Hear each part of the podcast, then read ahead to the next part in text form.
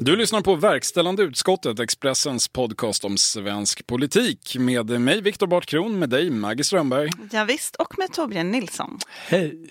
Och idag ska vi bland annat prata om partiledardebatten och sen någonting om polarisering. Är det bra eller dåligt? Finns det egentligen och hur ska man förhålla sig till det? Ungefär.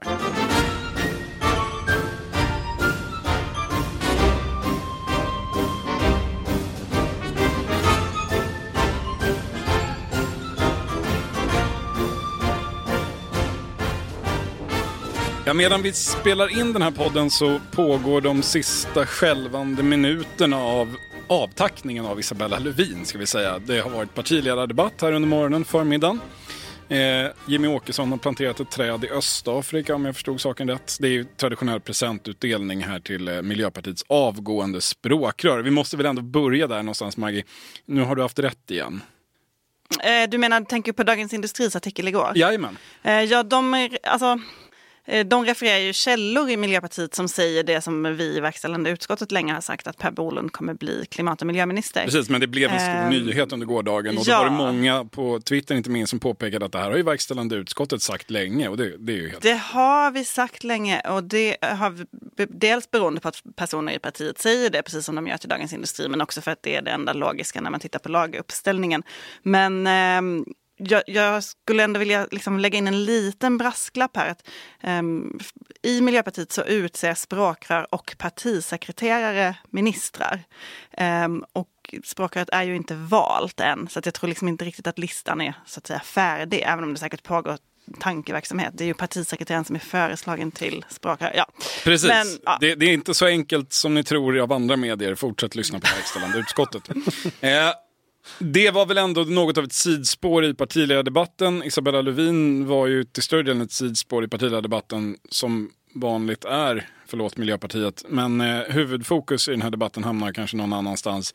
Eh, jag, satt, eh, jag klottrade ner rubriken Coronakritikens återkomst. Eh, det var ganska skarpt tonläge igen här. Ja, men eh, Ebba Busch tycker ju uppenbarligen att det återigen finns möjlighet att lyfta eh, coronakritiken skarpt. Hon kritiserade ju eh, statsministern och andra ledande socialdemokrater för det de hade ägnat sig åt i eh, julhelgen.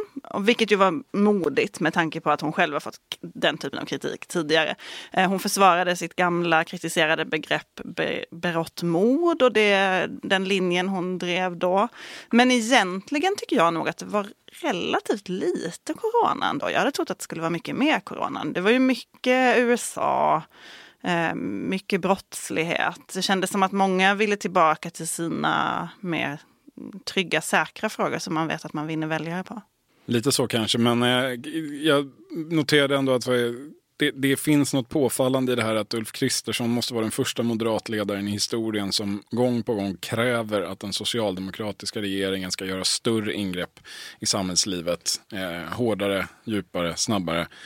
Exakt vad är inte alltid helt glasklart. Nu är det väl vaccinationskampanjen som där ska försvaret kopplas in. Men, men det, det fanns ju en, det, en kritik mot det här med smittspridningen som ändå har lite svårt att... Man, man är kritisk mot att regeringen har tillåtit en, en för stor smittspridning. Det är ju kärnan i Ebba Buschs berått mod.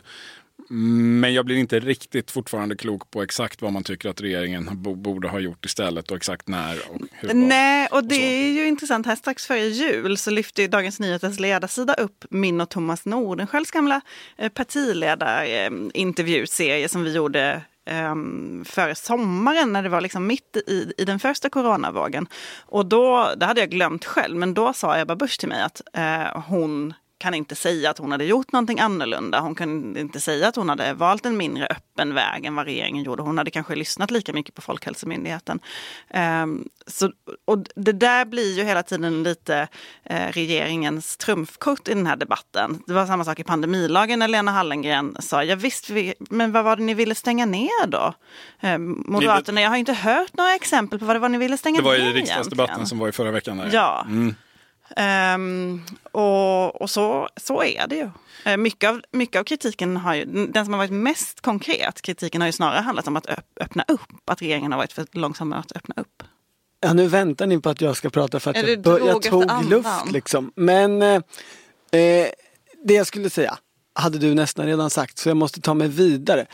Alltså, det... Annars finns en populär term som heter heap-eating. Det är när en man säger samma sak som en kvinna precis har sagt fast mycket längre. Det är ju en populär grej, inte lika populärt hos den personen som har pratat innan kanske.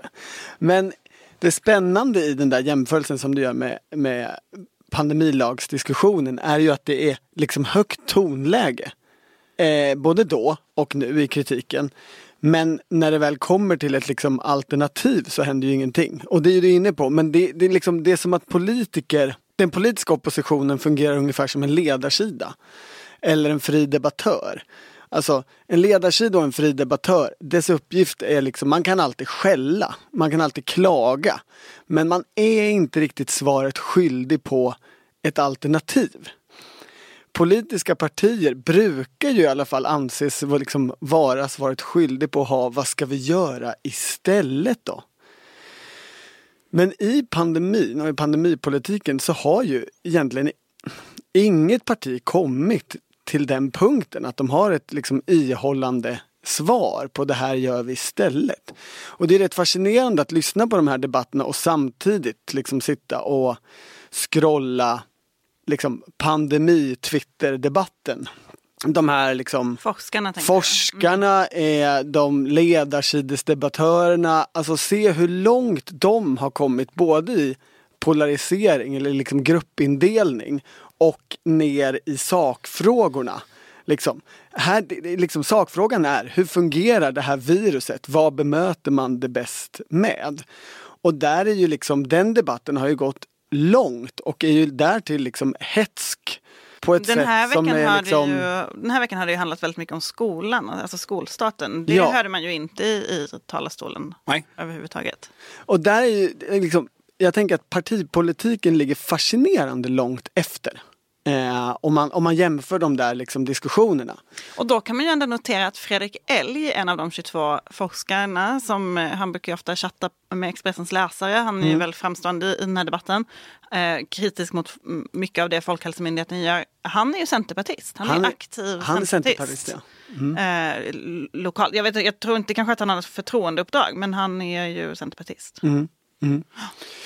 Och är det något parti som har varit nära, det har vi varit inne på tidigare, att, att börja skissa på konturerna till en mer konkret pandemipolitik så är det väl just Centerpartiet också. Även om det även där tycker jag är fortfarande eh, som sagt ganska vagt i de skissade konturerna om exakt vad som borde gjorts när eller borde göras nu eller sen. Nej men det har de ju. Eh, men sen är dilemmat att så här, vindarna för öppna upp och stänga ner har ju blåst åt olika håll vid olika tidpunkter under det här året.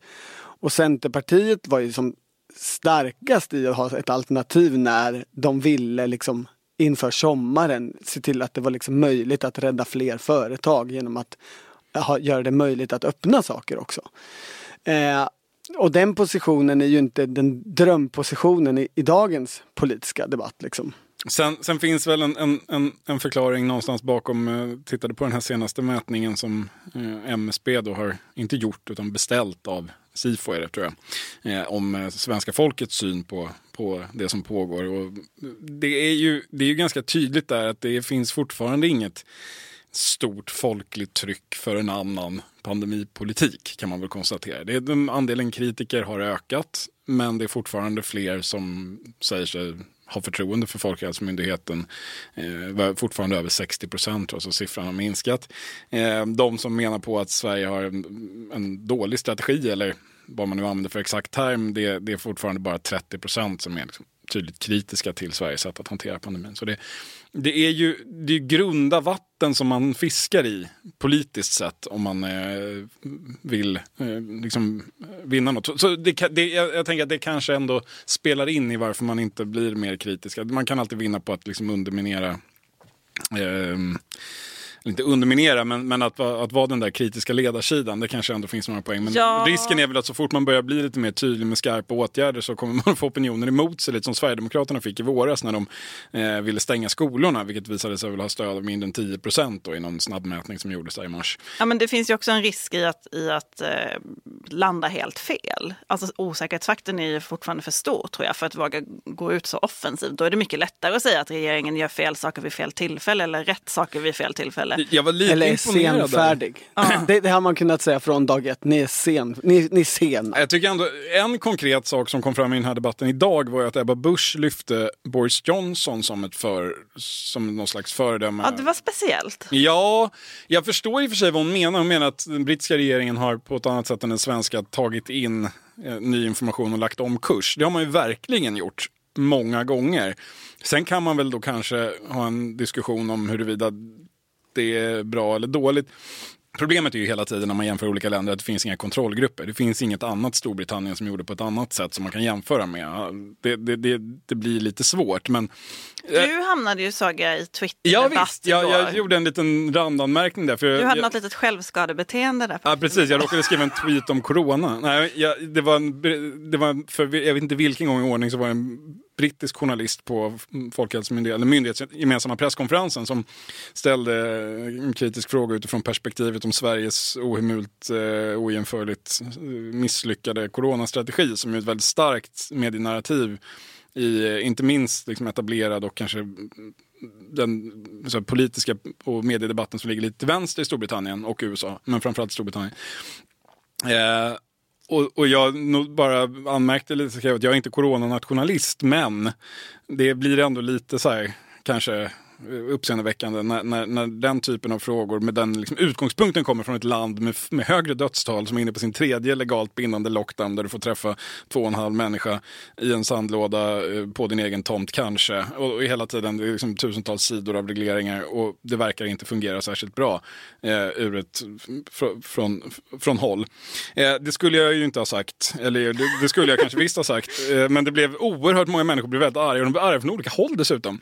Apropå det så det var, vissa var kritiska mot att hur kan du säga så, ni som, eh, eller det är typiskt att ni säger så, som släpper fram Agnes Wold i er tidning. Och så var det någon annan som, ja men ni släpper ju fram Fredrik Elg i er tidning.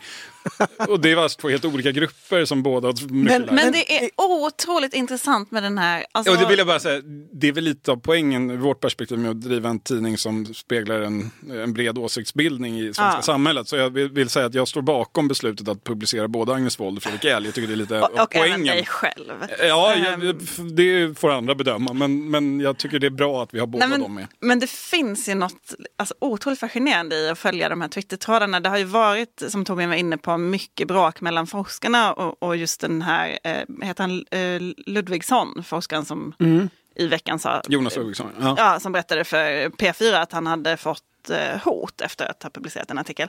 Eh, och honom, eh, han, han anses ju väldigt kontroversiell också i vissa läger. Och, men, men liksom, vi har tidigare jämfört den här debatten med migrationsdebatten, att det är så tydliga skyttegravar och man pratar om åsiktskorridorer och sådär. Men, men det här, är, jag tycker det är på en helt annan nivå. Det är mycket, mycket skarpare. Mycket, alltså, Karolinska institutet som, eller eh, vad heter den, Skol, själva skolan, inte sjukhuset var det väl, som eh, länkade den där artikeln och blev genast liksom påminda om Macchiarini och, och jämförelsen att det här skulle vara ungefär samma sak. Och, eh, Men proportionerna är... laddningen i den här frågan är ju så, så stark och det är inte så konstigt för liksom innehållet, det handlar ju om mänskligt liv eller så här, rätten eller möjligheten till något slags rimligt mänskligt liv. Vilka, liksom, det är stora frågor. Eh, Ska man få leva ett fritt liv? Ska man få överleva? Vem ska få överleva? Sådana saker. Eh, som blir liksom de politiska effekterna av bråket om viruset. Och jag tänker att liksom den stora frågan för politiska partierna är ju liksom Precis som, som Viktor var inne på förut så är förtroendet för, för den, den förda svenska politiken, för institutionerna eh, som håller i den fortfarande högt. Det här är ju ingen folklig debatt än. Men frågan är om det kommer bli det. Och att det här, ungefär på samma sätt som migrationen var under lång tid, inte särskilt folklig debatt utan folk svarade som de alltid har gjort, som institutet rapporterade år efter år. Eh, folk tycker att det är bra med invandring, folk tycker det är bra med invandring och sen så liksom successivt så kommer Jimmie Åkessons underjordsdiskussion uppåt och den har en sån enorm liksom, laddning i sig. De har laddat upp den här debatten, de har pratat på en nivå, de kan frågan, de, de kan den på sina fem fingrar och sen bara tokåker när det, när det liksom väl kommer ut i, i större Alltså, folkgrupper. där vill jag ändå invända lite, det är ju inte riktigt sant. SOM-institutets mätningar har ju varje enskilt år sedan de började, var det 90, 91, 92, visat att en, ett flertal har tyckt det var en bra idé med, med minskad invandring. Ah, okej. Då, Eh, då, då refererar jag fel mätning. Så, så det var väl snarare kanske att det var en större grupp Det har som väl tyckte varit att frågan var viktig. ungefär lika många som tyckte det var ett bra och dåligt va? Eller Men de det- har väl... Nej, det, ah. de möttes nästan 2015 Ja. där under Men- eh, den delen av det året då, då det var en eh, flyktingvänlig opinionsrörelse. Sen vände det ju tillbaka och, Ja. och d- drog För det är väl det som har varit grejen med det här, om vi nu ska fastna i detta. Den poäng jag vill åt är ju att under lång tid så var ju migrationsfrågan både i liksom förd partipolitisk diskussion och i många mätningar liksom stabil. Det hände inte särskilt mycket. Eh, allt medan liksom frågan förbereddes på ett annat håll. Och sen överraskades man i de etablerade partierna av liksom slagkraften i Jimmie Åkessons projekt. Och just nu så ser vi ju inget partipolitiskt projekt i den här liksom pandemidebatten. Men energin ser vi ju. Och det är det som jag tycker är så liksom fascinerande att här, man ser den här energin, den här liksom hur mycket folk bryr sig om det här. De här människorna. Och så, så lyssnar man på en eh, partiledardebatt och det är några som liksom smäller till eh, Stefan Löfven lite. Och sen så när de ska komma till liksom själva poängen, vad ska vi göra istället? Så börjar de, brottsligheten. Eller, eh, vi har ju våran gamla äldreomsorg vi vill prata om. Eller någonting annat. som jag de tror, alltid liksom jag, jag pratar tror om. kanske snarare att det kommer sluta med att, en, en, just upptäckten att man inte var så många som man trodde. Att man kan säkert hitta paralleller både till så här 70-talsvänstern som ju var här helt dominerande opinionsrörelse på sin tid. Men som sen så blev det val och så vann borgarna plötsligt. Mm. Och, eller för den delen, det är lite mer, kanske vi ska, i brist på bättre ord, den högerkonservativa opinions fraktionen, bubblan, som har varit ganska stark i Sverige under de senaste fem åren kanske. Ja. Eh, som nog har trott sig vara fler än de kanske visar sig vara på valdagarna. I alla fall var det så senast. Och det finns väl tendenser på att det kan upprepa sig igen. Att, att det, liksom, det visar sig att de flesta tyckte att det var väl ändå rätt okej och andra saker var viktigare. Eh, vi får se. Men Ja, vi får se. Det, Det är, är, intressant. mycket, det är mycket möjligt att du har rätt. Vad tror du Maggie? Vem har? Ehm, Har någon av oss rätt? eh, jag Har lyssnar du- inte helt på det här på slutet. Nej, jag förstår det. Nej men jag satt och tänkte på att jag tror ändå, vi har ju flera gånger sett tecken, inte minst i den politiska debatten, på att liksom, eh, det här eventuellt kommer sjunka undan rätt så snabbt och andra frågor blossa upp när det här väl, om det här Så var det över. i somras. Ja. Då försvann, liksom, Och då försvann det i takt här- med smittspridningen. Så var väl även den här, det här var väl, alltså den här partiledardebatten var ju ett tecken på samma sak. Att det här är ju egentligen inte det de vill prata om. Man är inte bekväm med själva smittobekämpningen. Man vill prata om andra saker. Ja, en sak, vi nämnde det tidigare, men som, som bröt sig in i partiledardebatten, eller rättare sagt, det var dominerande tema i statsministerns huvudanförande och faktiskt även delvis i Ulf Kristerssons första anförande, gällde ju händelserna i USA. Vi har pratat om dem förr, senast förra veckan tror jag, alldeles bestämt. Eh, stormningen av Kapitolium och eh, de oerhört eh, stora konvulsioner som den har skapat den som slutpunkt på det Trumpianska projektet, eller hur man ska säga. Det kanske inte riktigt slut än. Brasklapp där. Hur som helst, polarisering Japp. är ett ämne i svensk debatt, kan man konstatera.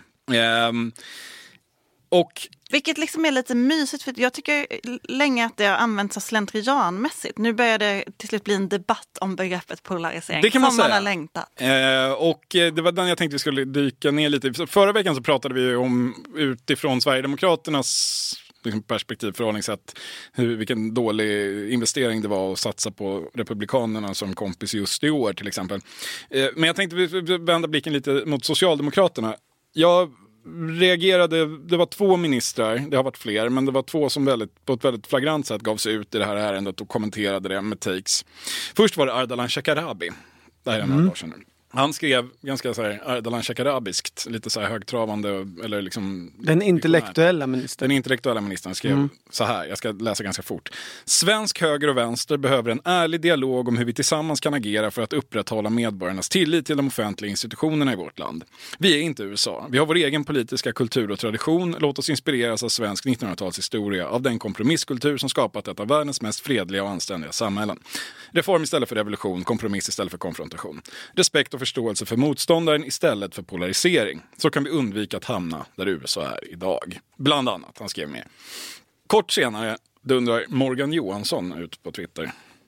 Och skriver bland annat, Inte den intellektuella ministern säger du då? Det skulle jag aldrig säga, men en, en, en kanske mer koncis, med, med, ett, med ett mer komprimerat tänkande mm. i alla fall. Eh, han skrev... Komprimerat tänkande eller komprimerat liksom, sätt att uttrycka sig? Kanske både och. Ja. Eh, I alla fall sätt att uttrycka sig. Eh, och det behöver inte nödvändigtvis vara dåligt. Det, det säga, man, ibland är det ju bättre att komma till kärnan. Det där får andra avgöra. Morgan Johansson skrev i alla fall. Eh, Republikanerna måste agera mot de extrema krafter som Trump lutat sig mot och underhållit. Men det gäller också i Sverige. För Moderaterna borde det bara finnas en enda rimlig slutsats att dra. Att omedelbart avbryta närmandet till SD. Och sen har Eh, han har skrivit mer på samma tema, han har retweetat det mesta som finns på samma tema och som sagt, han är inte ensam. Det här har väl varit en eh, återkommande punkt från, eh, från socialdemokratiskt håll.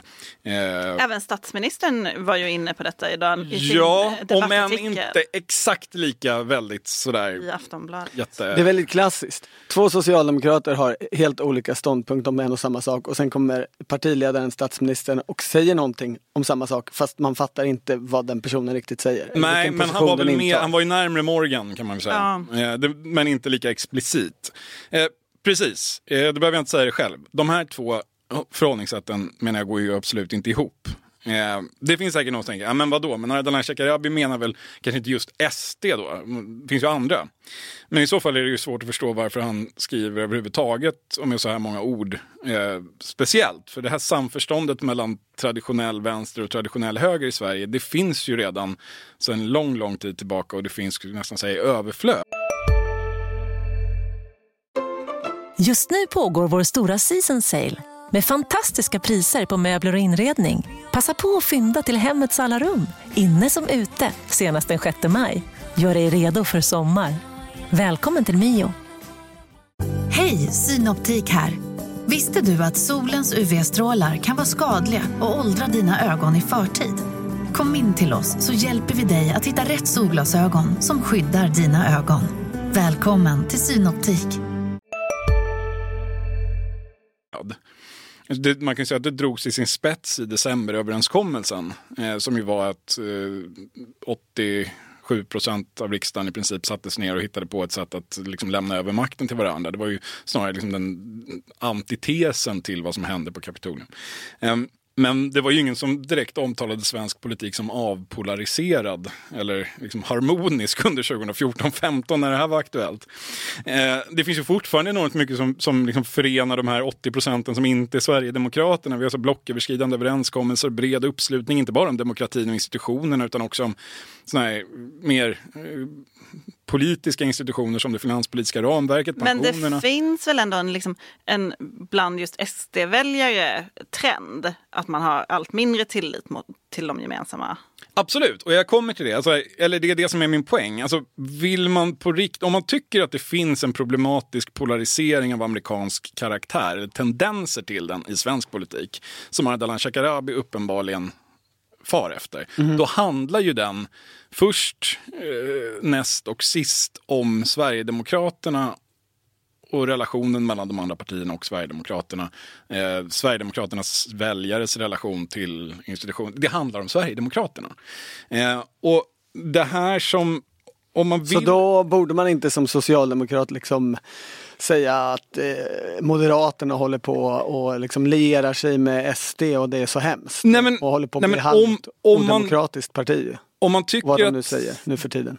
Om man tycker att den polariseringen som finns i svensk politik eh, är ett problem som behöver överbryggas genom en ärlig dialog mellan höger och vänster. Men då måste ju eh, Sverigedemokraterna, i så fall måste man räkna in Sverigedemokraterna i den höger som man ska sätta sig ner och eh, ha den här ärliga dialogen med. För annars så, så har man ju inte överbryggat den polariseringen som faktiskt finns utan snarare bara skapat januariavtalet. För, det är ju, för, för om, man, alltså om man går på Morgan Johanssons linje så är ju svaret naturligtvis, alltså att, eh, eller så här, beroende på syn på Sverigedemokraterna. Ser man Sverigedemokraterna som demokratins eh, potentiella eh, och kanske oförbätterliga dödgrävare, vilket är en fullt legitim uppfattning att ha. Eh, och alla som är beredda att förhandla med dem, göra upp med dem, därför potentiella hantlangare, eh, vad ska jag säga, eh, Kevin McCarthy-republikaner. Då är det ju naturligtvis inte rimligt att man ska arbeta med dem, utan då handlar det om att ena alla goda krafter mot det. Mm. Och det är ju precis det som har varit Socialdemokraternas officiella strategi och det man skapat i januariavtalet. Eh, men då menar jag, då måste man ju sluta prata om polarisering som ett problem. Då är ju polariseringen bra och nödvändig polariseringen i meningen vi som står upp för demokratin mot de som inte gör det. Annars, det är ju på det viset det inte går ihop med den här Shekarabi-linjen. För antingen Men... pratar han om januariavtalet eller också så, så pratar han om att byta Socialdemokraternas parlamentariska strategi helt och hållet. Förstår ni vad jag far efter? Ja, jag är så långsam ibland i mitt tänkande och jag, så, jag tycker det är så spännande att eh, den, eh, vad ska man säga, de svenska politiska analytikerna så himla snabbt hamnar på samma punkt allihopa. För jag är fortfarande kvar i den tiden då det så ansågs som ett jättestort problem att alla partier var i mitten det, det minns jag väldigt tydligt att det var ett demokratiskt problem. Att alla liksom samlades på samma punkt och det fanns inga tydliga skillnader mellan partierna. och Väljarnas liksom, skilda åsikter kom inte till uttryck. Ur det perspektivet måste ju polarisering vara en bra sak.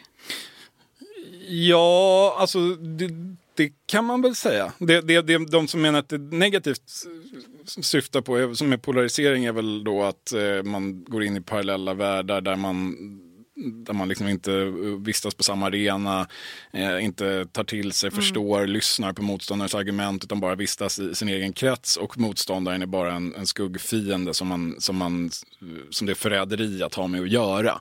Eh, och det är klart, det, vi är ju inte där, men med ett parti är vi ju där. Eh, kan man väl säga, eh, delvis. Men det, det, på något vis är det den liksom klassiska konflikten mellan liksom, att välja någon slags samförståndslösning eller liksom konfrontation. Och det där är ju supergammalt i just i intern sosse-diskussion. Liksom. Precis, jag tänkte nästan att du skulle ha en bra historisk parallell här nu.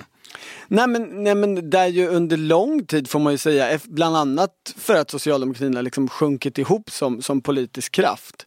Eh, liksom valt en samförståndsväg. Så har ju trots allt hela 90-talet och, och liksom mycket av det som hänt under 00-talet också varit. Medan ju en, en vanlig liksom vänsterhistorieskrivning av framgångar och framsteg på 1900-talet har ju varit just att de har skett i konflikt. Två intressen möter varandra, slåss med så skarpa vapen som möjligt, dock ej våld, helst, eh, men nära inpå eh, höll jag på att säga, men liksom, det, man får inte lägga fingrarna emellan. Det här är intressen som möter intressen och det är en strid. Det är inte något mysigt. Det var inte något mysigt när vi fick rösträtt. Det var inte något mysigt när vi fick progressiva skatter. Det var inte något mysigt när vi fick pensioner. Det var fullt jävla krig. Och det är vägen framåt. Allt annat är liksom idioti. Det är ju en vanligare liksom, historieskrivning i socialdemokratin och i vänsterkretsar. Medans liksom det är mer, jag vet inte, mitten borgerlighet som, som har gått runt och sagt att samförstånd är ju det som tar oss framåt som nation och, och liksom lyssna in alla och sådär. Vi var ju också med på det här med rösträtt fast eh, efter ett tag, som högern brukar säga. I partiledardebatten var det ju ändå tydligt att eh, många kände ett behov av att adressera det här. Alltså, jag tror att eh, ändå det finns en viss nervositet bland moderater och kristdemokrater av att det här ska bli för dominerande, här, den här diskussionen och att man därför måste jag, vara tydlig med hur man ställer sig. Och det blev ju eh, sen lite komiskt när Jimmy Åkesson i sin replik mot Stefan Löfven valde att då ta strid för eh, Donald Trumps Twitterkonto och fråga statsministern hur han såg på det. Um, och det, det var också intressant eh, eftersom alla känner ju nu till att Stefan Löfven aldrig har handlat något på internet. Men använder Stefan Löfven sociala medier undrar man ju. Alltså han har ju konton och sådär men, men liksom han Likar han något någon annan gör någon gång? Använder han Alltså internet? scrollar han liksom? Ehm, och lite, han beskrev ju att han, han själv hade en bild av sociala medier att det skulle föra människor närmare varandra och vara något gott för demokratin men så har det inte blivit. Och, ehm, Nej, det- man, jag vet att han smsar, det har jag hört, men jag vet inte om han Nej. rollar. Det, det, det kanske vi får forska lite i. Han ville reglera sociala medier i alla fall. Det där är, kommer ju kanske, det ska vi inte gå in djupare i nu, men det kommer ju bli en stor fråga. Det, man kan ju notera att eh, svenska socialdemokraterna och Angela Merkel inte riktigt är på samma linje kring det här. Det finns väl vissa principiella invändningar som lyfts på olika håll. Jag tror att vi kan se nästan en ny coronadebatt i konstiga allianser när det gäller just plattformarna och och ska de vara publicister eller är de en del av någon yttrandefrihetsinfrastruktur? Eh, sista ordet är nog inte sagt där. Nej, men man kan gärna tipsa oss om man vet någonting om Stefan Löfvens eh, sociala medieanvändande. Förra veckan bad vi ju om tips om vad Morgan Johansson faktiskt hade köpt. Eh, den lilla vitvaran. Och då eh, har jag fått tips som jag inte har hundra bekräftat men att det rörde sig om en espressomaskin. Oj då. Det var kanske inte jättesocialdemokratiskt ändå. Ja, jag vet inte, är kaffe En, en... Kaffe är sossigt. Ja, men kan espresso är väl Och folkpartistiskt. Ja, det är väl cappuccino som är liberalt. Jag vet inte. Det var det, men eh, socialdemokrater dricker bryggkaffe och så är det med det. Eller möjligen kokkaffe. Ja, ett parti som alltid har varit positivt till polarisering, åtminstone så länge den är intern, är ju Liberalerna. Maggie, du har träffat Nyamko Sabuni och Fredrik Malm och de Mm. hade intressanta saker att säga tyckte jag ändå. Ja, men eh, Eh, de sa ju som Expressen skrev i morse att eh, de uppfattar de här kompletterande förslagen till migrationsberedningens, migrationskommitténs förslag förlåt, ehm, som att de bryter mot januariavtalet. Det handlade ju om, bland annat om en eh, ny humanitär skyddsgrund och detta var ju eftergifter till Miljöpartiet i förhandlingarna i regeringskansliet för att man ens skulle skicka de här förslagen på remiss från första början. Och då säger Nyamko Sabuni att hon utgår ifrån att Stefan Löfven kommer att dra tillbaka de här förslagen eftersom de är budgetpåverkande och därför bryter mot januariavtalet. Eh, Centerpartiet har ju uttalat sig positiva till de här förslagen vilket gör att det i sådana fall skulle finnas en majoritet i riksdagen. Eh, och Annie Lööf har idag sagt att hon tycker att Nyamko Sabuni har fel. För att i januariavtalet så står det att man, där, där var ju partierna överens om att man skulle driva humanitär skyddsgrund i den parlamentariska kommittén. Det tycker Liberalerna att man har gjort, men att den här nya humanitär skyddsgrunden som bara har, liksom då, kommer från regeringen, att den är alldeles för bred. Ja, det, är mycket, det, är mycket man, detaljer. Man har drivit i den parlamentariska kommittén, får inte fått igenom det eftersom Man har fått igenom en viss, liksom, Okej, men ja. inte så stor som Miljöpartiet och, Och Centerpartiet vill vara. Liberalerna vore inte Liberalerna om det inte var så att ungdomsförbundet har gått ut och tyckt att det här är fullständigt idiotiskt också Ja. redan nu under förmiddagen. Det som Liberalerna gör alltså. Men det är en ganska, ehm, liksom, det är ju så här, tolkningen av januariavtalet, ja det kan de ju göra olika, men så länge ett parti säger så här tycker vi och mellan raderna säger hon ju att de bryter samarbetet annars. Det svarar hon ju inte på rakt ut, men då spelar det kanske ingen roll hur de andra tolkar det. Eller liksom alla måste väl på något sätt vara överens om tolkningen. Det är lite LAS-frågan. Ja, vad gäller just januariavtalets fortlevnad i alla fall. Sen eh, kanske det kan ordnas ändå. Men det är ju en eh, spännande princip. Det är ju tydligt att, att Liberalerna söker konflikt här. Alltså, det finns ju, jag har pratat med andra januaripersoner som säger att eh, nej, men det där är ju inte självklart att allt som är kostnadsdrivande ska förhandlas mellan de fyra partierna.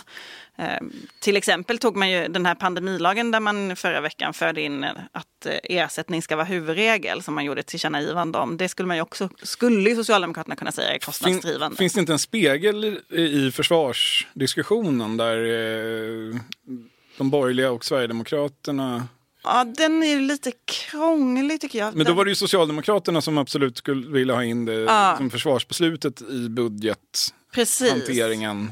Och det förhandlades också inom budgetförhandlingarna men sen också med de andra partierna. Men, men eh, det finns ett annat exempel som handlar om eh, eh höjda straff eh, för vissa brott som man har tagit i utskottet till exempel. Där, där oppositionen har drivit igenom i justitieutskottet. Eh, och det skulle ju också kunna vara en sån sak. Så att, jag tror att den, jag har också läst artiklar där Mikael Artursson, Centerpartiets partisekreterare, säger att de tycker det är jätteviktigt att kunna eh, förhålla sig eh, ganska fritt även till vissa kostnadsdrivande förslag eftersom annars skulle de inte vara i opposition. Så jag tror att den här principen använder man nog lite hur den passar en för tillfället. Den är liksom inte fastslagen, nedskriven. Men vi får väl se var det här landar. Stefan Löfven eh, avfärdade ju det här idag.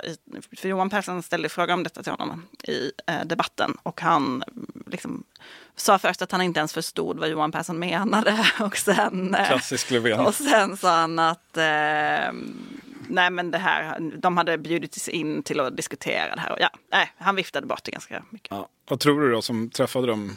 Låter de sig viftas undan eller blir det här eh det är en intressant fråga att lämna samarbetet på om man skulle välja att göra det. Som, eh, eftersom det ju var den här gamla frågan som drev upp konflikten i Alliansen en gång i tiden. Så att, vi får väl se.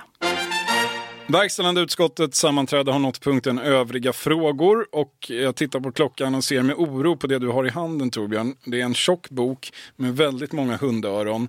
Vi har alltså nått punkten nytt från Torbjörn Nilssons bibliotek. Ja. Varsågod. Ja, Eh, den här gången är det faktiskt något nytt. Rickard Westerberg, eh, han har lagt fram en doktorsavhandling vid Handelshögskolan som heter Socialists at the Gate. Eh, Rickard Westerberg, han har jobbat åt Liberalerna bland annat innan. Men eh, det viktigaste han har gjort i sin tidigare karriär är att han var med eh, som reporter när Fokus startade. Eh, mm. Tillsammans med mig alltså, så jag är biased här. Den här, det viktigaste han har gjort sin karriär. Ja, det måste mm. det vara. Ja. Tänker jag. Mm. Absolut, okej okay, så kan jag inte säga när jag läser hans avhandling. Den, den, är väldigt bra.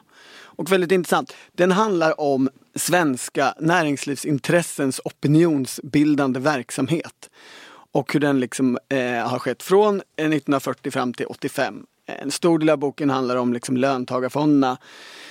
Det har ni hört för mycket om. Eh, men den riktigt intressanta delen handlar om eh, planhushållningsdebatten, planhushållningsmotståndet. Eller rättare sagt, eh, den hårda valrörelsen 1948 förspelet till den.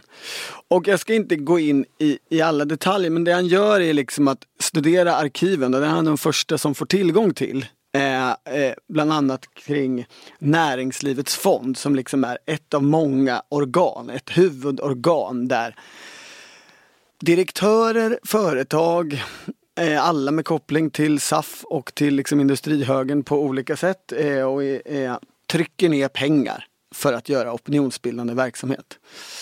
Eh, och det här är jättemycket tidigare okända grejer. Och han lyckas bland annat visa hur liksom eh, SAF-basen Gustav Söderlund som utåt är samarbetsman med Socialdemokraterna och med staten styrd just nu. Först av en liksom samlingsregering då under kriget och när kriget till slut slutar av socialdemokrater. Eh, han liksom vill samarbeta med dem men håller samtidigt på med den här andra grejen. Så det är en dubbel strategi.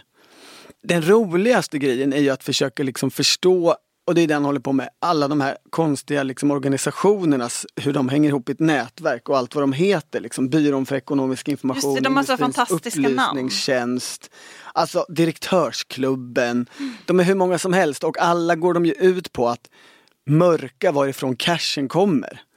Eh, och att den stora diskussionen internt eh, är hela tiden, kan vi ha den här annonsen eller den här broschyren eller den här valfilmen och utan att vi blir avslöjade för att vara liksom att det här, alltså att man, så att man ändå inte fattar att det här kommer från arbetsgivarna eh, eller från högen. Eh, och han liksom kartlägger också hur det här då fram emot det stora valet 48 där liksom Elander är helt nyfärsk statsminister. Eh, folk vet knappt, knappt vem han är och nu ska liksom eh, man få bort honom. Eh, och hur man det, inför det valet liksom kanaliserar pengar in till partier eh, och sådär. Det är jätte, jätteintressant. Och framförallt så är det ju en liksom bevis på att historien, om man tittar på historien som liksom de långa linjerna så ser allting så självklart ut. Alltså efter andra världskriget så höll alla länder i västvärlden på med så här, nu bygger vi staten större. eh, vi måste ha trygghetssystem och sådana grejer. Liksom, I USA, i Storbritannien, i, i alla länder. Det var ju inte utan motstånd och det här, liksom, här skildrar han motståndet och hur starkt det var och vilka enorma pengar de liksom rullade in. in inför det valet så hade, ju, hade man samlat in 800 miljoner kronor i en fond. Alltså motsvarande som idag, i dagens värde. Att, att man skulle ha en fond som hade 800 Vad miljoner kronor.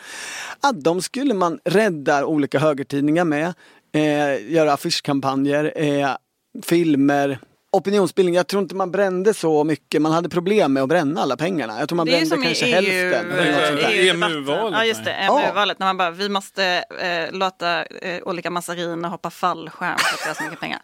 Men eh, inte helt säker på att jag minns den storyn hundra korrekt. Men ungefär så. Men, eh, Vi är bättre på 40-talet än på 00-talet i den här podden. har, du någon, eh, har det här någon bäring på någon debatt idag? Ja, men det, det har en bäring för att det är, han själv tycker att han visar att det liksom vid de tillfällen när vänstern har liksom radikaliserats eller Socialdemokraterna har radikaliserats och det funnits ett rejält hot. Då, först då har liksom näringslivet vaknat och, och gjort motstånd. Och vad är egentligen då näringslivets eh, opinionsbildande funktion idag? Är väl frågetecknet. Vinst i Eh. välfärden. Jag vet inte om det är den mest intressanta. Jag tycker det är väldigt intressant just med de här dolda finansieringsvägarna. Och liksom, det vet jag inte om det har någon bäring på idag, men jag tycker det är en intressant fråga. Eh, liksom, vad finns det som vi inte känner till idag, men som någon forskare likt eh, Westerberg om, om 50 år eh, kan gräva fram genom att titta i arkiv då. Liksom. Men den roligaste saken som jag vill avsluta dragningen med, eller den jag tyckte var roligast, det är att alltså det, alla de här hade ju koppling till olika internationella organisationer också. Och, och en av dem var ju eh, Mount Pelerin Society som var Hayeks eh, lilla rörelse. Och till det första grundande mötet så var så de var tre svenskar inbjudna.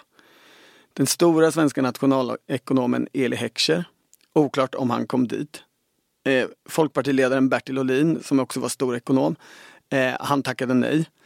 Eh, Herbert Tingsten, som, som nyligen liksom rört sig från socialdemokratin till, till liberalismen. Och han åkte dit. Men han blev inte med i den här organisationen och skälet är, är det som är bra.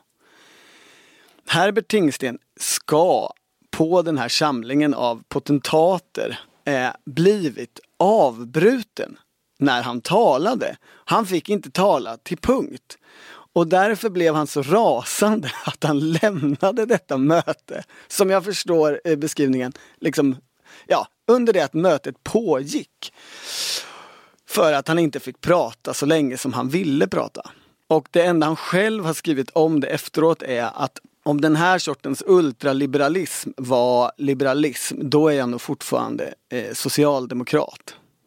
Du kände sympati för honom? Jag vet inte om jag känner sympati. Jag känner att det, Alltså, otro- det alltså hela det skeendet är typiskt svenskt länge. skeende. Det är så här, det ska vara någon slags socialliberalism trots allt. Och får jag inte prata till punkt, då skiter jag i er. Ja, Thomas Nordenskjöld var kollega som ju avslöjade att eh, Dan Eliasson var på eh, semester på Kanarieöarna. Han eh, är ju snart tillbaka. Ja, Han avslöjade alltså det här från sin ledighet. Ja, från sin pa- pappaledighet. Ja. Eh, och istället så ska du eh, försvinna ett tag, Viktor. Ja, dock med ett annat barn. Nej, ni har inte samma barn. Nej. Nej, eh, nej det är sant. Nu på fredag. Ja, så det här är din sista podd på ett tag. Det får man säga. Jag tänkte försöka hålla mig borta fram till, eh, ja, efter sommaren i alla fall. Men Kommer, du, att jag kommer kanske... du twittra? Det är inte riktigt jag som styr det känner jag. Nej. Eh, det, det ska bli ett intressant experiment. Jag, jag, jag har svårt att tro att jag, skulle, att jag kommer avskaffa mitt konto. Eh, men man kanske inte är lika on top of the news som, som vanligt. Eh, jag har sagt att om jag får, verkligen vill någonting så får jag spela in en sån här Godmorgon världen-krönika och skicka in till podden eller så. Det tycker jag låter bra. Eh, men annars så ska jag väl försöka att hålla mig, eh, eh, hålla mig hemma. Eh, och eh, vara mer eh, aktiv i lekparken än i samhällsdebatten. Men det här var allt för verkställande utskottet idag. Mötet måste avslutas, men tack för att ni lyssnade. Jag heter Maggie Strömberg, du heter Viktor Bartkron Det gör jag. och du heter Torbjörn Nilsson. Precis. Hej hej.